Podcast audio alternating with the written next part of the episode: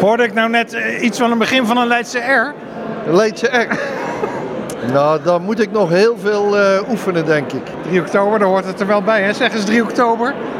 3 oktober. Nou, dat gaat al heel goed eh, de goede kant op. Dankjewel. dankjewel. Heeft u er al een beetje zin in? Ik heb er ontzettend veel zin in. Ik geniet nu al. Ik heb enorm genoten van de tap toe. Ja. Zoveel deelnemers uit het verenigingsleven van Leiden. Ja, dat vind ik eh, is- chapeau.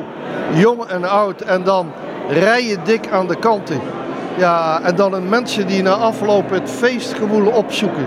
Dus ik ben, eh, ja, ik geniet oprecht.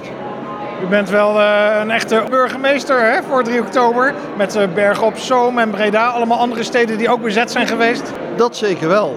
Het leert ons hoe belangrijk het is om te vieren bevrijding. En eh, veel steden doen dat op verschillende wijzen.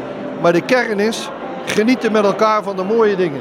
Het is denk ik heel belangrijk om met elkaar te genieten van de rijkdom van de vrijheid.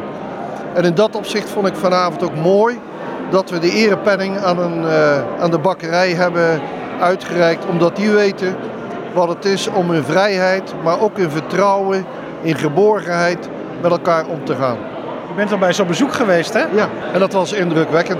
U heeft uw verhaal een beetje meegekregen, want u was hier van de zomer natuurlijk nog niet. Nee, maar toen het gebeurde eh, hoorde ik het via de media. En ik wist dat ik naar Leiden zou gaan. En los daarvan, dat komt bij je binnen. Goed ontzet, zeggen we dan. Goed ontzet.